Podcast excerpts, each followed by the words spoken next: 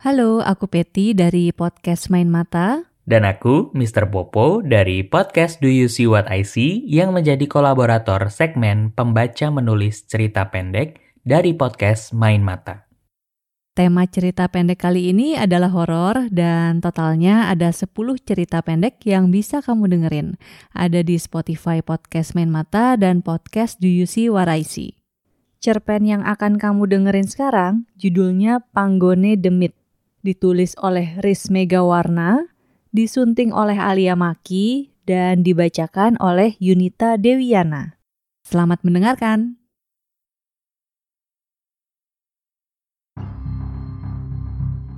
Semalam, Wita bermimpi. Di alam antara tidur dan sadar, ia merasa berada di tempat yang lain. Tempat yang memanggilnya sekaligus mendorongnya menjauh tempat yang belum ia datangi sebelumnya. Tapi terasa sangat dekat. Paginya, Wita berkumpul dengan pembina dan sesama anggota pramuka SMP di sekolah. Menggunakan truk, mereka lalu memulai perjalanan menuju lokasi perkemahan. Sepanjang perjalanan menuju sana dikelilingi oleh pohon cengkeh. Setiba di lokasi tujuan, hawa dan suasana angker segera terasa dingin-dingin anyep. Tapi suasana ini tidak membuat kecil hati, karena mungkin memang hawanya yang beda karena terletak di kaki Gunung Raung dan memang semestinya sedingin itu. Ketika Wita berputar menuju tanah perkemahan, ia terkesiap melihat pemandangan di sekitarnya. Pemandangan yang sama dengan yang ia mimpikan semalam. Tanah perkemahan berupa lapangan yang ditumbuhi rumput ilalang setinggi lutut orang dewasa. Berbeda dengan lapangan di sekolah. Lokasi perkemahan berupa tanah lapang terbengkalai sampai ditumbuhi rumput tinggi dan dikelilingi pepohonan sengon. Di satu sisi, tampak beberapa anggota pramuka yang tengah sibuk mempersiapkan area untuk perkemahan. Anak-anak kelas 2 sedang memberesi lahan Sementara anak-anak kelas 3 tengah mendengar bimbingan untuk menancap pasak tenda. Wita membantu mengangkuti pasokan makanan dari truk, lalu mulai menyiapkan area dapur perkemahan. Setelah mendirikan tenda, anggota pramuka mulai gotong royong menyiapkan makan malam bersama. Ketika acara makan malam selesai, mereka bersantai sambil menikmati udara sekitar. Tapi semakin sore, hawa di sekitar perkemahan terasa semakin dingin dan berat. Berkali-kali Wita berusaha meyakinkan dirinya bahwa ia hanya lelah dan berpersangka buruk. Tapi dia juga tidak mampu menyangkal bahwa hawa di sekitarnya semakin menjerat tubuhnya yang mulai menggigil. Sambil mengeratkan jaket di tubuhnya, mata Wita mengamati pemandangan di sekitar tenda. Tempat itu memang sangat indah, Pepohonan rimbun membenamkan matahari lebih cepat daripada biasanya. Bayangan panjang pepohonan sesekali berkelim jalinan sisa cahaya matahari yang teduh. Tanpa disadari, matanya tertuju pada sesuatu yang putih di antara pohon.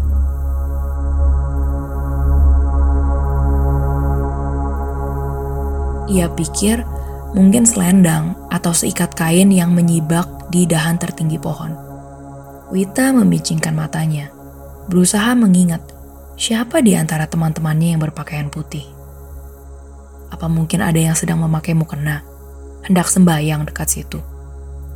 Tapi bukan, itu bukan mukena. Bukan kain yang terseret angin, tapi sosok yang berdiri di dahan. Mata Wita merambah kebingungan. Ada wajah yang memandangnya. Tapi wajah itu posisinya tidak wajar. Kepala dari wajah yang memandanginya sejajar dengan lutut sosok berjubah putih itu.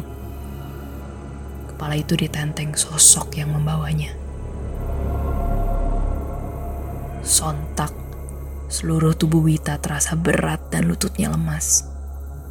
Sebelum ambruk, ia berbalik ke arah kembali ke area perkemahan. Sambil melafalkan doa-doa pendek, ia berlari ke kumpulan teman-temannya. Teman-temannya bertanya, "Ada apa? Kenapa? Kok wajahnya pucat?" dan pertanyaan lain-lain. Tanpa menatap wajah mereka, Wita hanya menyergah pendek. Gak apa-apa cuma capek aja habis lari dari sana. Tak puas salah seorang temannya mengulang pertanyaannya dan Wita kembali meyakinkan kawannya bahwa ia hanya terengah setelah berlari kecil dan menikmati pemandangan sekitarnya.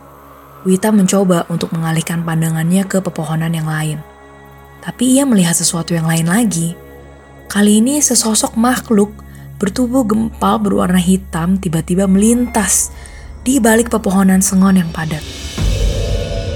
Wita sempat berpikir, mungkin gak sih ada orang ngarit di jam segini? Ia sempat menebak-nebak sosok siapa itu, namun ia lagi-lagi dijalari kengerian tak wajar. Jantungnya berdegup kencang dan keringat dingin merembes di sekujur tubuhnya. Ketika dilihat melihat teman-teman di sekitarnya tetap tenang, Wita semakin mempertanyakan dirinya. Kemudian malam semakin beranjak gelap. Bulan yang setipis kuku hanya menyisakan cahaya temaram. Saat itu tiba-tiba terdengar jeritan anak perempuan. Anak perempuan itu menjerit sambil menunjuk ke arah pepohonan rindang. Sesuatu yang tidak bisa dilihat anak-anak lain. Ceritanya berubah menjadi teriakan histeris, diikuti oleh teman-teman lainnya. Teriakan demi teriakan saling bersaut-sautan, ledak rasa ngeri ke udara. Banyak teman-teman Wita yang tiba-tiba mengalami kesurupan. Sementara itu, terdengar suara raungan berat dari titik sekitar perkemahan. Wita dan beberapa teman lainnya beruntung tidak mengalami kesurupan. Tapi beberapa murid yang tidak kesurupan sangat ketakutan. Apalagi suara-suara aneh yang berasal dari sekitar perkemahan seolah ikut menambah rasa ngeri mereka. Ada suara orang yang tercekik, tertawa, berteriak, menangis. Ditambah ratusan siswa yang kesurupan membuat bingung bagaimana harus menyadarkan murid-murid yang kesurupan itu. Akhirnya para guru pendamping dan pembina pramuka bahu-membahu menyadarkan murid-murid yang kesurupan. Setelah sebagian keadaan teratasi, terjadi perubahan rencana. Karena merasa bahwa ini bukan tempat yang aman untuk melanjutkan perkemahan. Maka para guru serta pembina pramuka memutuskan untuk kembali ke sekolah malam itu juga. Pukul 9 malam, mereka kembali menggunakan truk menuju ke sekolah demi menghindari kejadian yang lebih buruk lagi. Firasat yang dialami Wita saat ia merasa di tempat lain sehari sebelum kejadian ini itu adalah dejavu. Dan Wita mengalami persis seperti dejavunya. Ia berada di lapangan melihat banyak orang kesurupan yang sebenarnya adalah teman-temannya sendiri. Persis dengan suasana dan tempat yang sama. Menurut tetua, sebenarnya kegiatan perkemahan tersebut sudah mendapatkan izin dari perangkat desa setempat. Meski demikian, tidak ada izin yang total. Meskipun sementara, tapi bila merusak bisa bikin marah tetangga yang halus. Untung cuma ditegur, nggak lalu disuruh tinggal di situ terus.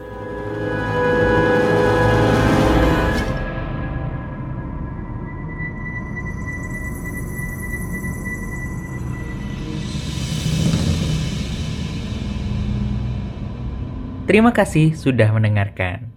Jangan lupa simak juga cerita pendek bertema horor lain yang merupakan kolaborasi antara podcast Main Mata dan podcast Do You See What I See.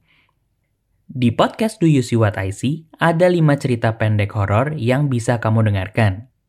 Yaitu cerita pendek berjudul Demi Konten YouTube ditulis oleh Rachel Bernadette, Ruangan Favorit Kukung ditulis oleh Yunita Dewiana. Kemudian ada Rumah di Malang ditulis oleh Bambang Asdianto. Lalu Diam-Diam Datang ditulis oleh Irma Widianti Karina Putri.